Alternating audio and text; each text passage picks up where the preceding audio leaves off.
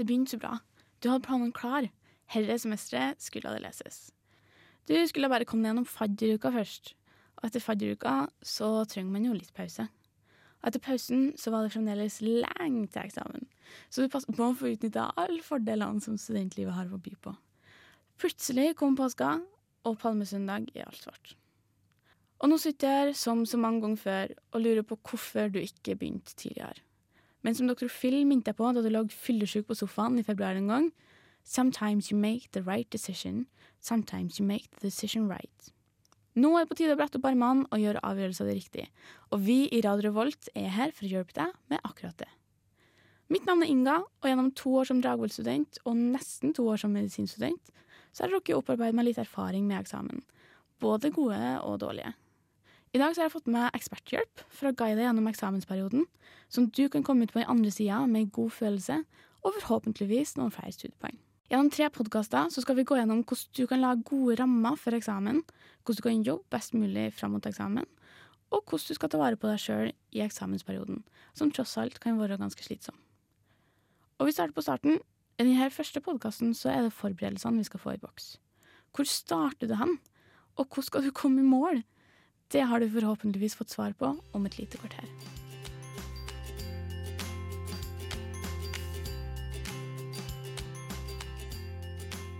Nå nærmer det seg jo eksamen for mange, og det er en del av dem som går og skal ha eksamen, som gruer seg litt ekstra til det.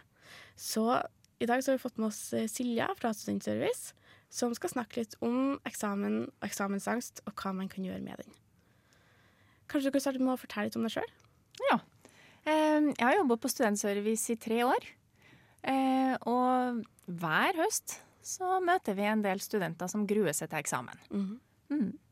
Eh, I tillegg til eksamen så jobber jeg vanligvis med å veilede studenter på alt fra studieteknikk til ja, ting i livet. Som, og nå er det eksamen. Ja. ja. Det er vel kanskje det som er mest framtredende akkurat i denne perioden her. Og dere har et eget uh, kurs for det? Ja, det har vi ved eksamensmestringskurs. Um, der er hovedessensen dette med å um, se på hvordan man lager rammer for eksamenstida. Mm. Se på hvordan man kan jobbe mest mulig hensiktsmessig fram mot eksamen. Så være litt bevisst på hva slags studieteknikker man bruker. Men òg litt det her med personlige forberedelser. Hvordan man tar vare på seg sjøl og unngår det der stresset som kan bli litt sånn lammende for noen. Så det skal vi snakke litt om i dag? Ja. ja. Vi kan jo bare starte på det aller første, som er det her med eksamensrammene. Ja. Hvordan man skal forberede seg på eksamenstida, rett og slett? Jeg tenker jo at dette med å legge til rette for å lykkes på eksamen, det, det Da er det viktig å tenke at hvordan er det jeg tar vare på meg sjøl i eksamenstida? Hvordan legger jeg mest mulig til rette for at både eksamenstida skal bli bra for meg, sånn at jeg kan gå på en ny eksamenstid senere, for det blir jo ganske mange i løpet av et langt studium. Ja, det blir det men også hvordan jeg oppnår resultater som jeg er fornøyd med. Og jeg tenker jo at det, det er lurt også å, å, være litt bevisst det her med hvordan, hvordan skal denne eksamenstida gå inn i hver. Kartlegg, tenk over og ønske seg. Um, altså, det handler, fra, det handler om alt ifra dette med hvor mange fag er det jeg har, hvor lang periode er det jeg har til rådighet, hvor mye tid har jeg til hvert fag. Hvor skal jeg sitte? den? Skal jeg sitte hjemme, eller skal jeg sitte på lesesalen? Hvem skal jeg treffe? Hva skal gi meg påfyll? Alle de der tingene der. Tenk på, på hvordan eksamenstida skal være for at den skal kunne bli best mulig for deg. Men hvor tidlig er det man må begynne å planlegge alt det her? Ideelt sett er det jo fint hvis man eh, har jobba strukturert sant, helt fram til eksamen. Men så er nå virkeligheten sånn at man ofte gjør andre ting også. Ja. Men uh, fra forelesningene slutter, da har man jo ei tid fram til eksamen begynner. Mm. Mm. Hva er det uh, for eksempel, altså men, For du snakker litt om å finne ut hva som fungerer for deg sjøl, mm. men det er jo ofte litt sånn at man ender opp med å gjøre litt det alle andre gjør. Ja. Har du noen tanker om det? Og det er jo ganske naturlig. Mm. Veldig mange av de studentene vi møter, er jo førsteårsstudenter som kommer rett fra videregående. Uh, og eh, da mangler man jo ofte den strukturen man har hatt i videregående skole, og da er det lett å se på hva alle andre gjør. Og det trenger ikke være dumt å se på hva andre gjør, men det som er lurt da, det er jo at OK, se nå på hva andre gjør, men tenk gjennom om det passer for deg. Eh, Hva er nyttig for meg å gjøre? Hvordan virker det her for meg? Mm. Og det er klart at hvis at det du gjør, altså gamle vaner du har med deg, hvis de er lure, eller hvis, alle det, hvis alt det her de andre gjør er lurt, så ja, så fortsett nå med det. Men hvis det ikke er lurt for deg, og du merker at det her stresser deg, eller at du ikke lærer noen ting av det, så, så er det mulig å gjøre noe helt annet i stedet. Mm. Mm. Vi skal gi noen konkrete eksempel. Da. Det er jo veldig mange som er litt usikre på f.eks. det her med De fleste sitter på lesesal, Ja. og de sitter gjerne fra ganske tidlig til ganske seint. Mm. Eh, Hva, hva kan man gjøre hvis det ikke fungerer for deg? Ja, eh, det handler jo om det her med å tenke gjennom um, hvordan har jeg det best. Og det er noen som har det best på lesesal, det er noen som har det best hjemme. Mhm. Eh, det er noen som har det best når de kommer tidlig, det er noen som har det best hvis de får jobb utover kveldene. Men jeg tenker at hvis man lager seg noen planer for seg sjøl, eh, fått litt overblikk over situasjonen, hvordan er min situasjon? OK, her er de læringsmålene jeg har i fagene mine. Her er de forelesningene jeg har hatt. Og her er de gamle eksamensoppgavene som finnes. Så får man et overblikk som, gir, som sier det noen ting om at OK, det her kan jeg mye om, det her kan jeg lite om. Og da vil det også være lettere for deg å prioritere hvor du begynner lesinga hen. Det er jo ikke sånn at, at du ut ifra det kan plukke ut hva du får eksakt på eksamen eller ikke, men det gir deg noen knagger du kan lese ut ifra. Eh, og når du har denne oversikten over hva kan jeg noen ting om, hva kan jeg ikke noen ting om, eh, så er det jo òg lettere også lage seg noen mål og noen planer. Og hvis du gjør det, lager noen mål for deg sjøl og noen planer som du tenker er lur for deg, så er det også lettere å ikke bli stressa av alt de andre gjør. For da har du ditt løp, da har du din plan. Så det å ikke tenke så mye på hva alle andre gjør, men at du gjør det du skal gjøre rett. Ja, at det du gjør funker for deg. At du sitter igjen med noen ting som du føler er læring for deg sjøl. Og at det er læring, men også noen ting som gir deg noe i tillegg. Mm. Og så snakka du òg litt eh, om det her med å få litt energi, altså å, Mhm. å gjøre ting som gir deg noe. Har du noen eksempel på det? Ikke sant at vi som, eh, vi som er arbeidstakere går på jobb, vi har arbeidsmiljøloven å støtte oss på. Eh, Da er det sånn at innenfor et, en viss periode så har du ikke lov til å jobbe mer enn sånn og sånn. Denne arbeidsmiljøloven gjelder dessverre ikke for studenter. Eh, Men så er det sånn at vi som jobber òg, vi, vi har perioder hvor vi må legge inn overtid. Og sånn er jo eksamenstida for studentene. Det er jo ei overtidstid.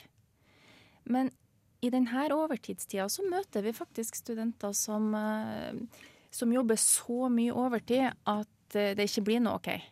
Altså Da jobber man så mye overtid at man tar bort Altså man, man glemmer å spise, man glemmer å sove, man glemmer å trene, man er ikke lenger sosial.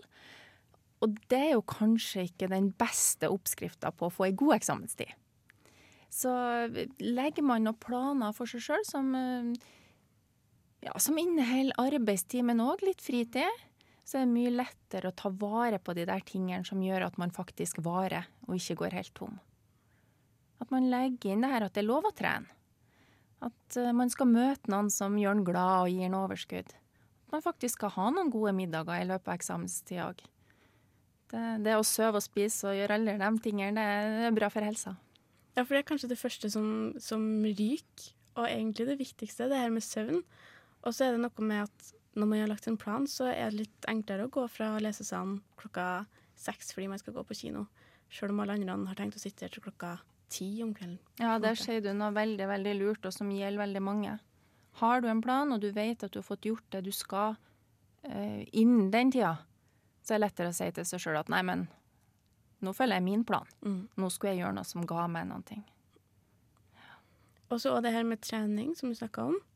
Som det er jo gjerne litt sånn at, at de fleste detter av treninga i eksamensperioden, og så er det helst da man skulle ha trena. Ja. Det er greit å tømme hodet, og det er greit å ta vare på fysikken. Mm. Mm. Prioritere det. Og trening trenger jo ikke være at man går og løfter benkpress eller eh, springer tre mil. Trening kan jo være at man går tur, men gjør noen ting som gjør at man er fysisk aktiv. Det tømmer hodet litt òg. Og det kan være litt sosialt òg. Selvfølgelig. Mm. Tren i lag.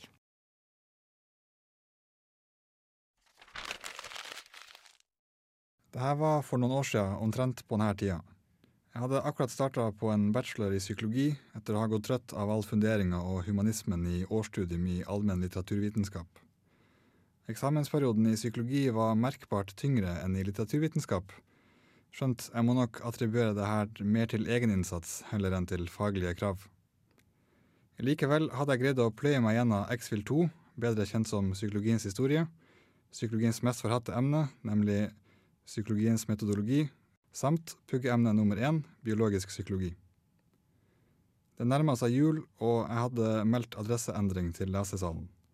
Alle sosiale avtaler var satt på vent, privatliv hadde veket til fordel for livet blant bøkene.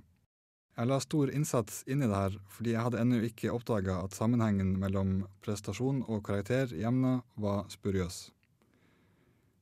Idet julaften nærma seg og jeg hadde bare én eksamen igjen, var min fysiske og mentale tilstand forståelig nok merkbart svekka. Den siste eksamenen var i abnormal psykologi, og passende nok var det nok en person med en alvorlig antisosial personlighetsforstyrrelse som hadde plassert den så tett opp mot jula. For dere to på NTNU som ikke har tatt et årsstudium i psykologi, er dette et emne som omhandler psykopatologien, hvordan psykiske forstyrrelser utarter seg, og hvordan man diagnostiserer dem. Jeg hadde pugga alle kriteriene i den diagnostiske manualen og diagnostisert alle mine venner på lesesalen. Med andre ord var jeg godt forberedt. Da eksamensdatoen innefant seg, var derimot ikke kroppen min forberedt, og jeg forsov meg. Nå skal det nevnes at jeg er et sosialt kasus, og vanligvis står opp to timer før jeg må forlate hybelen min uansett. Så denne forsovelsen var ikke den krisa det er for de aller fleste andre som forsover seg. Jeg bodde også ganske nært Trondheim Spektrum, og dermed befant jeg meg i den store, stille salen idet gongongen gikk og pensjoniststemmen begynte å forklare hvordan eksamen skulle foregå. Jeg skyndte meg å finne en plass i det nesten helt fulle rommet mens jeg repeterte kriteriene på en schizofreni-disorganisert type. Disorganisert tale, disorganisert atferd, flat eller upassende effekt, samt manglende kriterier på katatonisk type. Idet jeg så rundt meg, så at det var ganske mange katatoniske typer der. Til tross for det var jeg ganske rolig. Jeg visste at eksamen kom til å bestå av minst to oppgaver med delsvarsoppgaver. Jeg hadde pugga på det her og var forberedt. Raskt gikk jeg gjennom alle de psykiske lidelsene i hodet mens vaktene delte ut eksamensoppgavene. Da jeg fikk arket, leste jeg gjennom det og holdt på å besvime. Der var det bare én oppgave, og den lød som følger. Diskuter den systematiske forskjellen mellom et grad 2-system og et grad 2B-system med tanke på de underliggende svekkende og hindrende variabler. Jeg hadde ingen anelse om hva noe av dette skulle bety, og kunne bare se for meg en svær F i nær framtid. Etter noen stressende sekunder hvor jeg revurderte livet mitt, oppdaga jeg at jeg hadde fått eksamen for et statsvitenskapsfag. Det viste seg at abnormal psykologi bare hadde en liten rad helt bakerst i rommet hvor vi skulle sitte, og jeg hadde satt meg blant statsviterne idet jeg skyndte meg å finne en plass. Det forklarte i hvert fall de tomme øynene og de slappe kroppene. Jeg flytta meg til riktig rad, leverte verdens beste eksamen og fikk en C.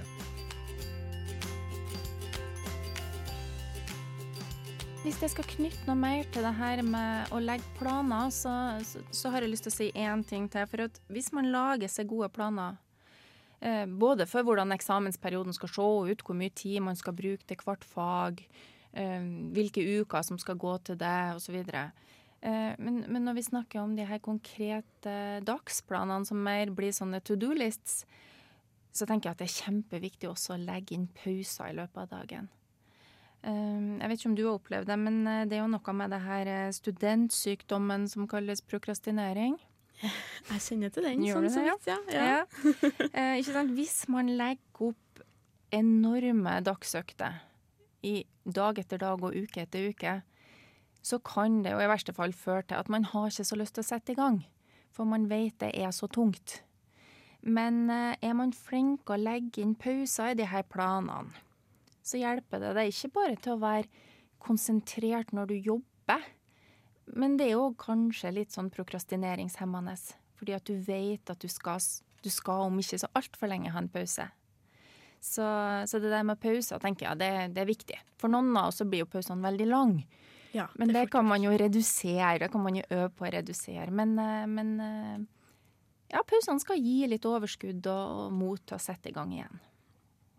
Ja, for det er nesten Det er jo bedre å ta en pause når man kjenner at man ikke klarer å være så produktiv lenger, og heller få litt pause og så gå inn igjen med ny energi, enn å sitte ut tida man har satt opp bare fordi at man skal, har sagt at man skal sitte så lenge. Ja, det er det. Og det, de fleste av oss har jo en sånn viss intervall på hvor lenge vi greier å være konsentrert. Og det går jo an å finne ut, det. Altså, det, går, det er veldig lett å sette mobilen på en timer, og så se på klokka når, eh, når du merker at du begynner å dette ut når du jobber.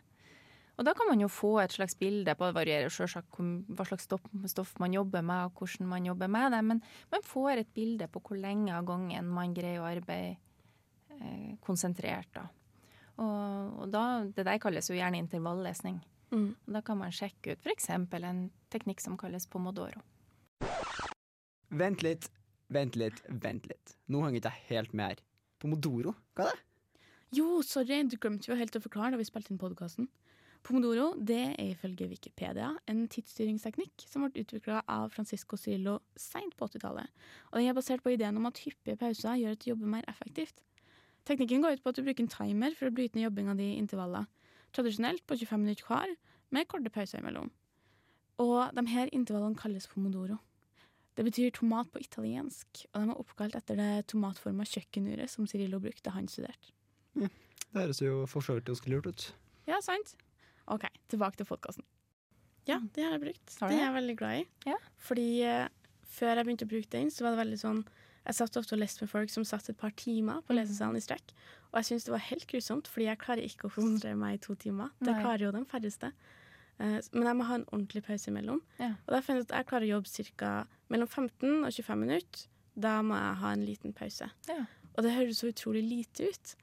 Fordi ofte så leser man om at 45 minutter, det går fint. Mhm. Men, og da har man ikke lyst til å være den som sitter og bare klarer 15, 15 minutter før man må ha pause. Men det er jo, så fant jeg ut det var mer effektivt det. At jeg heller da jobba i 15 minutter, og så tok fem minutter pause. Fordi så jobba jeg jo et kvarter til, og plutselig så hadde jeg fått eh, en halvtime med effektiv jobbing.